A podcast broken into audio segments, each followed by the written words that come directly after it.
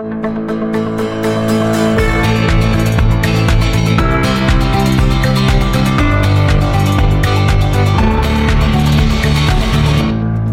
til Sirkuler, en podkast fra AFO Norge om sirkulær økonomi og resirkulerte råvarer. I dag handler podkasten om digitalisering og teknologiutvikling i avfalls- og gjenvinningsbransjen, den fjerde industrielle revolusjon. Mitt navn er Nancy Strand, og gjest i dag er Anders Våge Nilsen. Anders Våge Nilsen er gründer og skribent, har bakgrunn som journalist og har markert seg som en frittalende samfunnsdebattant. De siste årene har han jobbet med utvikling med digitale løsninger for avfalls- og gjenvinningsbransjen, bl.a. WasteIQ. Han er i dag tilknyttet entreprenørselskapet New i Bergen. Velkommen til deg, Anders Våge Nilsen. Takk for det. Du, vi må starte med å snakke litt om deg. Nå har jeg sagt eh, litt, litt, om det som eh, folk forbinder med deg, men hvordan eh, kom du dit du er i dag? Uh, ja, nei, det er en veldig lang, lang, fortelling, egentlig. Men den korte versjonen er vel at jeg eh, har alltid vært et samfunnsengasjert menneske og har jobbet som journalist. Og på et tidspunkt så fant jeg ut at jeg heller ville skape de løsningene verden trenger, enn å intervjue de folka som holdt på med det. Uh, og så har jeg jo, jeg, fra jeg var helt i begynnelsen av 20-årene, så har jeg øvd meg på å ut, ta ting fra ideenes verden og inn i, i virkeligheten. Og det begynte mm. vel med Fri Flyt, som er et sånt skimagasin, som fortsatt uh, eksisterer i beste velgående. Uh, og så har jeg uh, vært med på å starte alt fra designbyråer til å utvikle digitale tjenester. Og så har jeg alltid mm. hatt en, et engasjement for miljø- og klimaspørsmål. Og, og det har ledet meg naturlig inn i avfallsbransjen, som, som da er kanskje den mest spennende bransjen eh, for tiden, spør du meg. Ja, så, så bra. Så vi startet med å si at dette handler om digitalisering. Det har vi snakket om før i denne podkasten. Men så har vi, begynte vi å kalle det den fjerde industrielle revolusjonen. Det brukes for så vidt som et ganske bredt begrep, men hva legger du i det? Eh, nei, altså det, det er jo forsket mye og skrevet mye om den fjerde industrielle revolusjonen. og Det startet jo i Tyskland eh, for eh, ja, det er jo ti års tid siden, når de laget en analyse av liksom mulighetene for tysk industri. og Der så de på muligheten for, for å på en måte kombinere den fysiske produksjonsvirkeligheten med den virtuelle, digitale verden. Eh, og eh, mener at det er det liksom neste store på en måte, spranget i på en måte eh, eh, industrialiseringen. At vi klarer å koble sammen på en måte dataene og gjøre de til altså, samhandling mellom maskiner og mellom maskiner og mennesker. Eh, eh, på, på, en helt, eh, basert på helt nye prinsipper. da, I det som kalles ofte cyber physical systems. da, eh, sånn, mm. og der er det jo masse sånne buzzwords inni dette her med sånn dark factories, som er sånne fabrikker der ingen mennesker jobber. Og man snakker også veldig mye om integrerte verdikjeder som deler data i sanntid hele veien fra på en måte konsument til produsent, og også i på en måte returlogistikksystemene. Eh, mm. Så Det er liksom det store målet, og nå er det veldig mange som jobber for å realisere, for rett og slett å skape denne revolusjonen og ta den ut i praksis. Selv om vi nå mm. ser jo mange eksempler på det allerede. da. Mm. Altså, det, altså, Veldig mange innenfor uh, avfalls- og gjenvinningsbransjen uh, er jo veldig opptatt av det konkrete. Fordi at vi jobber med Fra dag til dag så er det avfall som skal flyttes, og det skal fungere hver eneste dag. Så da får jo det begrepet, og kanskje også mye mer mening, egentlig. Altså det blir uh, For uh, hvordan kan vi da anvende dette uh, inn i systemene som gjør avfallshåndteringen mer optimal? Mm. Ja, altså, jeg, jeg, personlig syns det er veldig interessant med, med på en måte av, avfalls- og ressurshåndteringsbransjen. fordi at den best, det består ofte f.eks. av av distribuert infrastruktur, altså container, beholdere som står rundt forbi. Eh, eh, og som man ikke har mm. Man har ikke oversikt over tilstanden i den containeren. Eh, og nå med moderne sensorikk eh, så kan man jo rett og slett eh, begynne å, å, få mye mer å, å, kontroll f.eks. på både på lokalisering og på nivåer osv. Eh, og så får man et nytt datapunkt, eh, til en datastrøm da, tilgjengelig, eh, som mm. endrer måten logistikkoperasjonen kan, kan, planlegges på. Sånn at det er liksom en veldig konkret Nå er det rett og slett et sensor, sensor som vi har hatt i 30 år, har blitt så billig og så bra at nå kan mm. vi begynne å implementere det i stor skala i bransjen. Og det endrer jo veldig i stor grad modellene. Mm. Og, og, det kan også endre kontraktene. altså og det kan endre for, altså måten vi priser tjenester på. Uh, sånn Det kan endre veldig mange ting. Bare vi endrer den ene liksom, grunnpremisset, som er liksom Ja, nå kan vi faktisk snakke og lytte til containerne våre. Og Det er veldig mm, ja. interessant, uh, og, ja. og, det er masse muligheter i, i det området der. Ja. Mm, er, det er et, et, et uh tilsynelatende liten, et lite grep, og som plutselig så, så, flytter du på forretningsmodeller og den fysiske håndteringen og, og logistikken osv.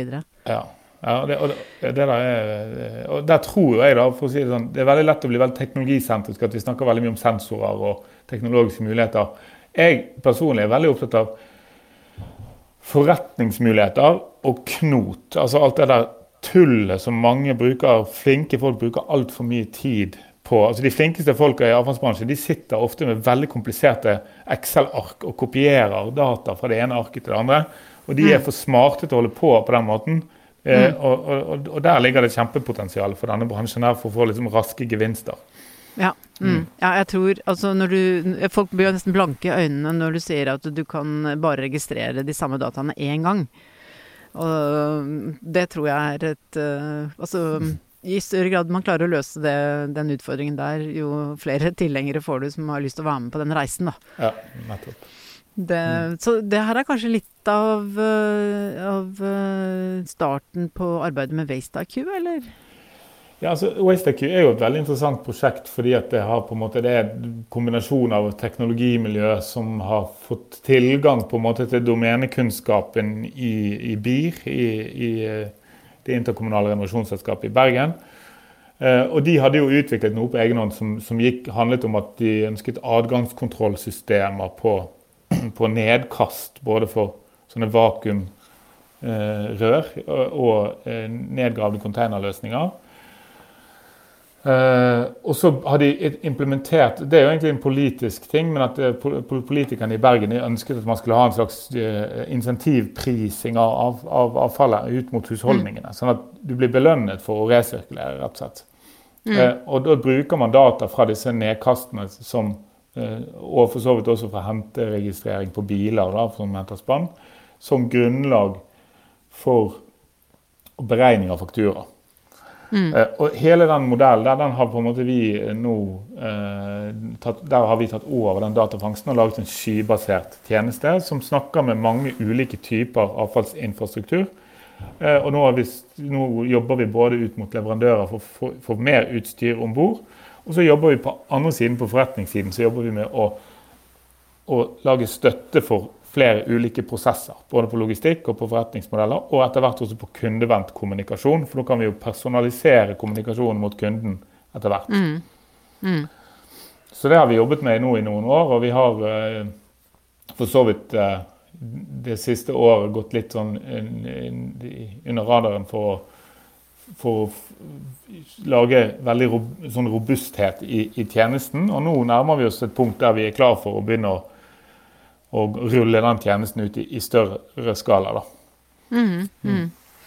Og det som vi jo ser, fra, i hvert fall fra jeg første gangen hørte om WasteIQ og til nå, så har det jo kommet uh, flere på banen som jobber med samme type teknologi, og det er utviklingen i Altså grunnstammen av f.eks. Uh, sensorløsninger osv. Så, videre. så det har jo skjedd en nesten en Apropos industriell revolusjon, det har jo skjedd en liten revolusjon på dette området her. Mm. Det er helt åpenbart at, at dette nå liksom har, modnet frem. Og sånn er det jo ofte med teknologi, at det følger jo det som ofte er liksom en, en sånn hype kurve. da, at det, at det, snakkes veldig mye om det, og, og, så får man veldig store forventninger. Og så viser det seg ofte at det er litt mer komplisert. Eh, og så tar det gjerne noen år ekstra før det virkelig slår inn i, i, i, i, virkeligheten. da. Og Sånn har det vel mm. vært litt i avfallsbransjen også. Men nå kommer den bølgen av liksom anvendelig teknologi som er testet og fun faktisk fungerer.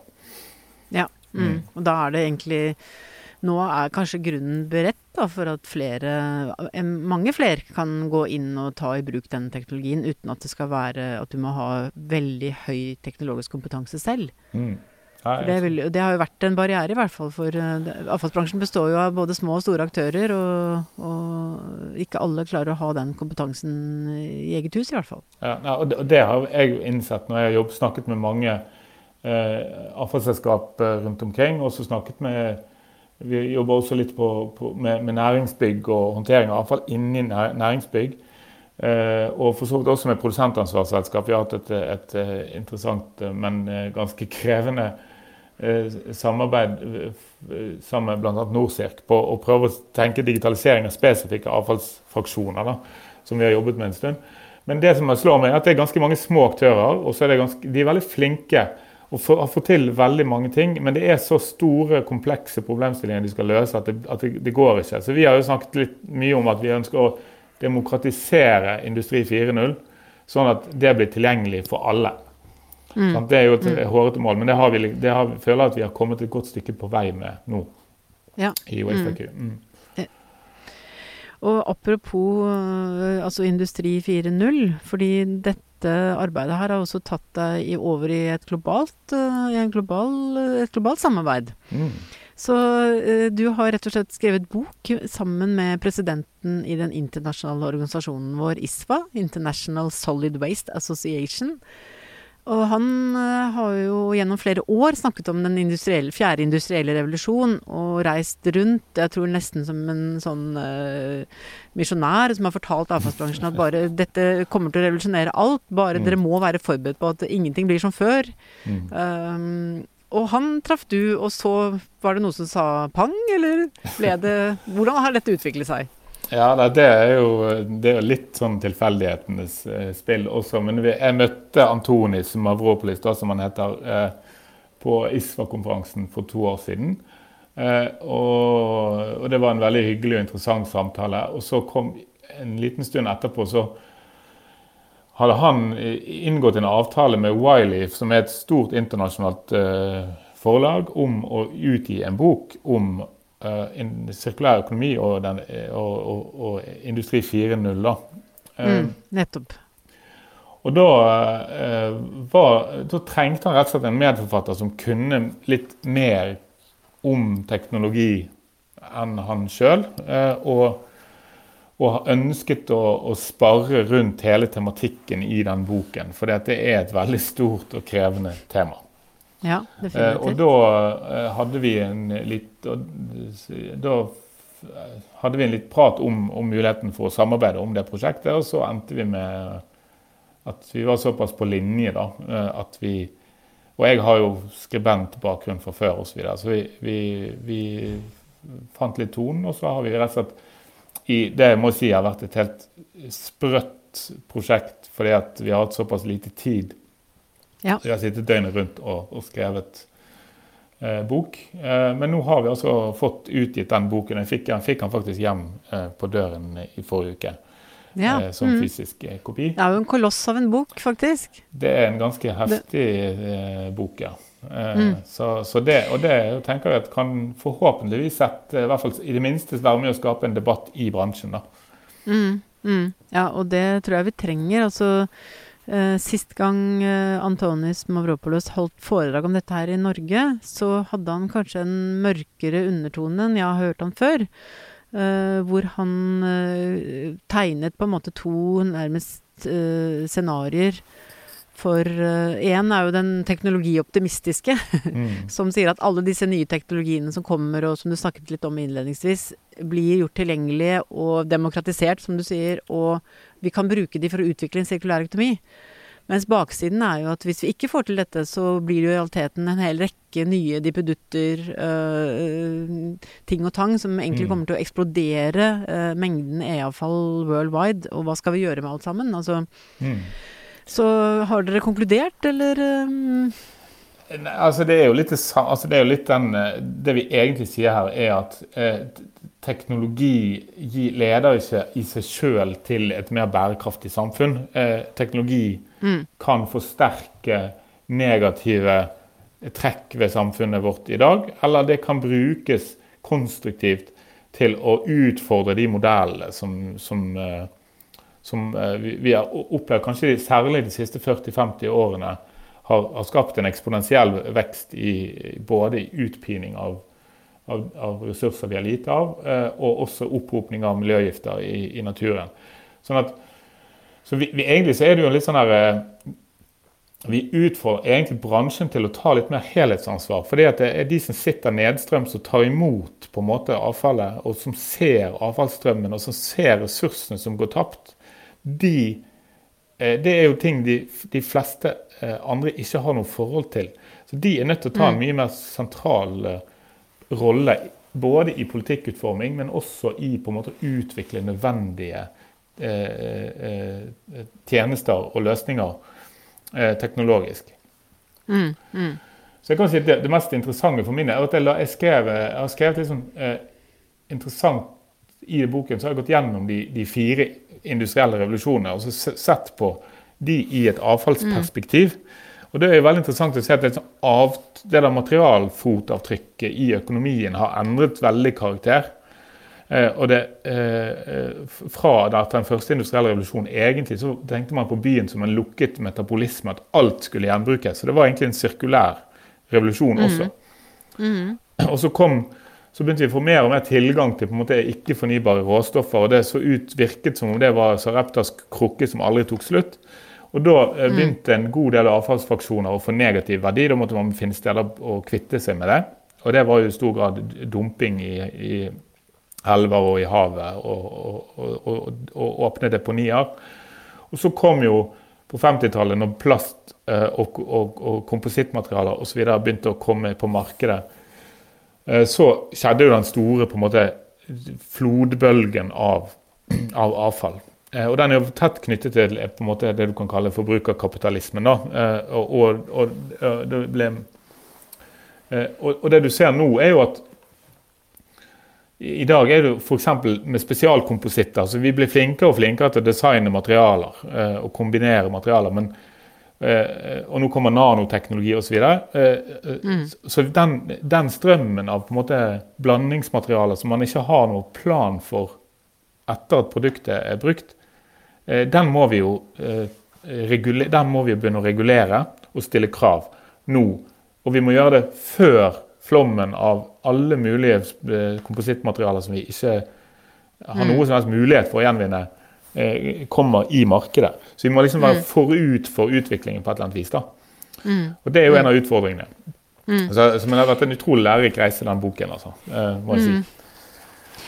Men eh, det, dette har jo vært et diskutert tema. Og det er hvilken rolle kan da avfallsselskapene spille? Eh, for det er som du sier, at de ser jo dette. Altså de ser at dette lar seg ikke gjenvende. De ser at her kommer det store strømmer, og det er store verdilekkasjer. For vi klarer ikke å hente ut uh, materialer som vi vet de ligger der, men vi klarer ikke å hente dem ut. Mm.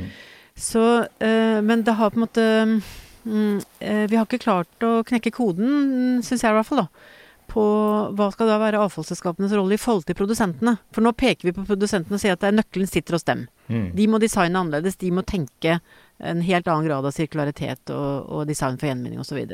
Men kan også avfallsselskapene gjøre mer? Kan avfallsbransjen gjøre mer?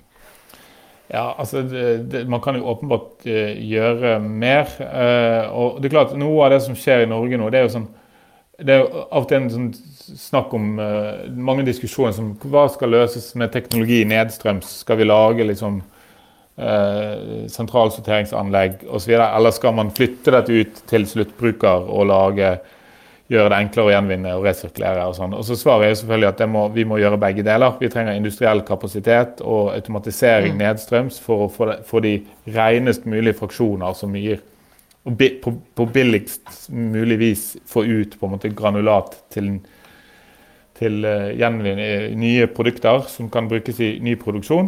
Uh, og så må, må, vi bevisstgjøre konsumentene, og så må konsumentene må det forenkles med, både med digitale tjenester, infrastruktur osv. Så, så klart at det er mange tunge investeringer eh, som skal gjøres. Og så, og så eh, spiller jo avfallsbransjen, både, både den private avfallsbransjen og, og, de kommunale aktørene, spiller en kjempeviktig rolle i på en måte returlogistikksystemet, som nå er, har vært veldig neglisjert over lang tid. Som nå skal bygges mm. opp til å håndtere større volumer og mer spesifikke kvaliteter.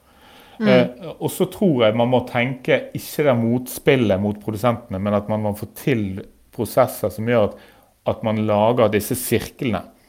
Mm. Eh, og de sirklene tror jeg må være materialspesifikke. At du må tenke mye mer på en sånn gjennomstrømming-perspektiv, der eh, aktører på tvers av bransjer sam, samles og lager gode eh, systemer for å håndtere det fysiske materialet, og som har gode ansvarslinjer og økonomiske modeller som insentiverer riktig. Og Der må mm. folk sette seg sammen, tror jeg.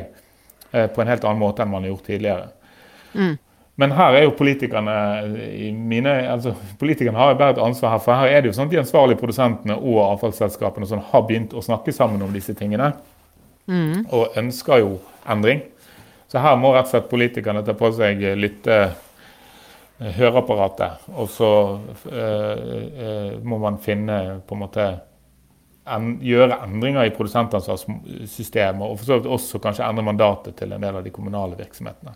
Mm, mm, å, men jeg, jeg, skal ikke blande meg så mye opp i politikken, men, men, det henger jo sammen med teknologi. Og det, det som jeg synes mm. er veldig interessant, at man kan jo også, sånn som i, i Flandern-regionen i Belgia Det, tror det er mulig at det er flere steder nå, men eh, der har man jo innført eh, på en måte en lovkrav om pay as you throw eh, til, til, kommunene, som, som, sier at mm. du skal ikke betale bare for en generisk hentetjeneste. Du skal mm. betale for de avfallsvolumene du, du, du, produserer. Og der vil jo selvfølgelig restavfallet eh, ha en eh, høy pris, mens, eh, mens mm. Eh, på en måte verdifulle fraksjoner kan man jo til og med tenkes å betale for at man mm. leverer tilbake igjen i sin ja. reneste form. Og, og, men mm. det er interessant at, at, man her har innført, brukt lov, lovverk til å, til å, tvinge frem på en måte innovasjon i kommunal eh, sektor, og en mer datadrevet forretningsmodell enn det som er tilfellet i dag. Mm. Mm. mm. Det, man, eh, det, som i dag gjøres av noen, faktisk blir et lovkrav som alle kommunene og de, de kommunale selskapene må følge opp. Ja. Uh, men du har jo kastet ut en brannfakkel i, uh, i samfunnsdebatten, i et av dine debattinnlegg. Og du har jo sagt at uh, skal vi få en sirkulær økonomi, så må bransjetenkningen dø. Mm. Um, så um, det er kanskje noe av det du er inne på nå, eller hva legger du i det? Ja, altså jeg er en sånn person, jeg skriver av og til ting sånn sent på kvelden fordi at jeg blir, sånn, jeg blir litt sånn småindignert. Og så prøver jeg å, og så blir jeg litt frustrert. Eller det er ikke alltid jeg vet helt selv jeg, hvorfor jeg blir frustrert, men så prøver jeg å skrive for å sånn, klargjøre premissene for meg sjøl. Eh, ja. Og i dette tilfellet var det egentlig eh, dette grunnlagsdokumentene som, som, ligger til grunn for den kommende sirkulære strategien. Som, mm. og da eh, opplevde jeg at der var liksom bestillingen at vi må finne hvilke, hvilke bransjer som har størst potensial for sirkularitet så hadde man en sånn bransjetilnærming til det. Og så ja. fant jeg ut at eh, dette med at materialet de, de, de, beveger seg på tvers av bransjer. Sant? Altså de oppstår på en måte i, måte i, i mineralutvinningsindustrien, og så blir de bearbeidet, og så blir de til produkter i, i eh, Er det noen som lager produkter av dem, og så selges de innenfor retail, enten som et salg eller en tjeneste format, og så skal de og Mange av de bindes opp i realkapital i form av bygninger osv. Og, og så skal de jo på et eller annet tidspunkt ende opp i avfallsbransjen. Og Det er jo det samme molekylet som foretar den reisen. så vi, Det er det som må være i fokus når vi snakker om sirkulær økonomi. Og mm. Da er disse bransjegrensene ofte eh, veldig kunstige, og det er ofte veldig spesifikke reguleringer i hver bransje. Så hver gang et molekyl flytter sektor, så så skapes det trøbbel, og man mister mye informasjon. Så Det er den ene misjonen. Det andre er jo at jeg jobber en del med bioøkonomi for tiden, sammen med BIR for å diskutere hva skal vi gjøre med matavfallet. Mm. Eh, og Der jobber jo BIR mye med både insektproduksjon og alger og andre prosesser eh, som er tilpasset litt sånn den vestnorske eh, virkeligheten. da. Eh, mm. Uh, og, jeg ser jo det utrolige potensialet som ligger altså det, Da snakker vi om oppsiden ved å bryte ned silogensene silogrensene. Mm. For i de der hybridsektorene som vi nå kan se, der prosessindustri uh, med CO2-produksjon møter en eller annen biologisk prosess som trenger den CO2-en, mm. eller der havbruk møter møter eh, landbruk osv. Eh, I, i, I de grensesnittene der så er det enormt potensial eh, for mm. ny verdiskaping. Mm. Eh, mm. Så vi har alt å tjene på egentlig å, å, å liksom slippe litt fokus på å lage disse litt sånn kunstige sektordefinisjonene, og heller fokusere på hva skjer hvis vi kobler disse tingene sammen. Mm, mm, så det, det, går på litt av det samme på disse integrerte ja. verdikjedene, som for så vidt er grunnpilaren i Industri 4.0-tenkningen.